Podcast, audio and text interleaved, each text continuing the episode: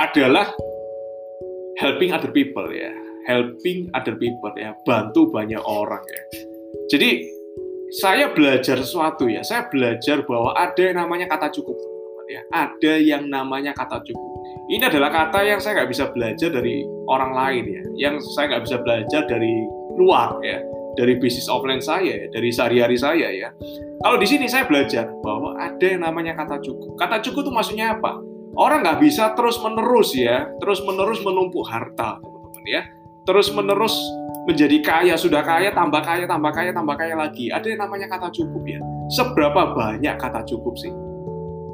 Kalau ada lebihnya, mending teman-teman fokuskan ya untuk membantu orang lain ya.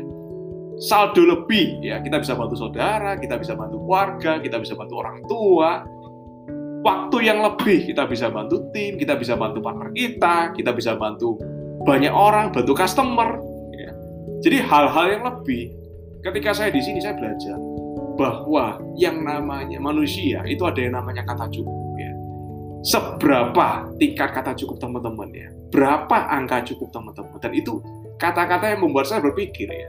Oh, ternyata hidup ini ya nggak cuma untuk mikirin saldo kita nambah terus, income kita meningkat terus ya, penghasilan kita double terus, no ya.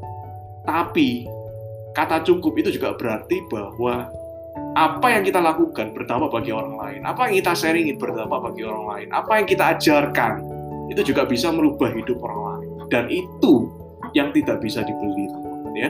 Duit sebanyak apa pun, teman-teman nggak akan bisa terbeli, ya. membeli perasaan bahwa oh ternyata kita bisa mengubah hidup orang lain, oh ternyata kita bisa membantu kehidupan orang lain, oh ternyata dengan adanya bisnis ini bisa membantu banyak orang, merubah kehidupannya mereka, mencapai goal-goal yang mereka inginkan, dan juga pengembangan diri mereka yang misalnya dulu susah ya untuk ngobrol, dulu susah untuk ngomong di depan, akhirnya lancar omongannya, public speakingnya jalan, kita belajar yang namanya leadership, kita belajar yang namanya pengembangan diri itu, itu hal-hal yang luar biasa ya, yang saya dapatkan ya di sini.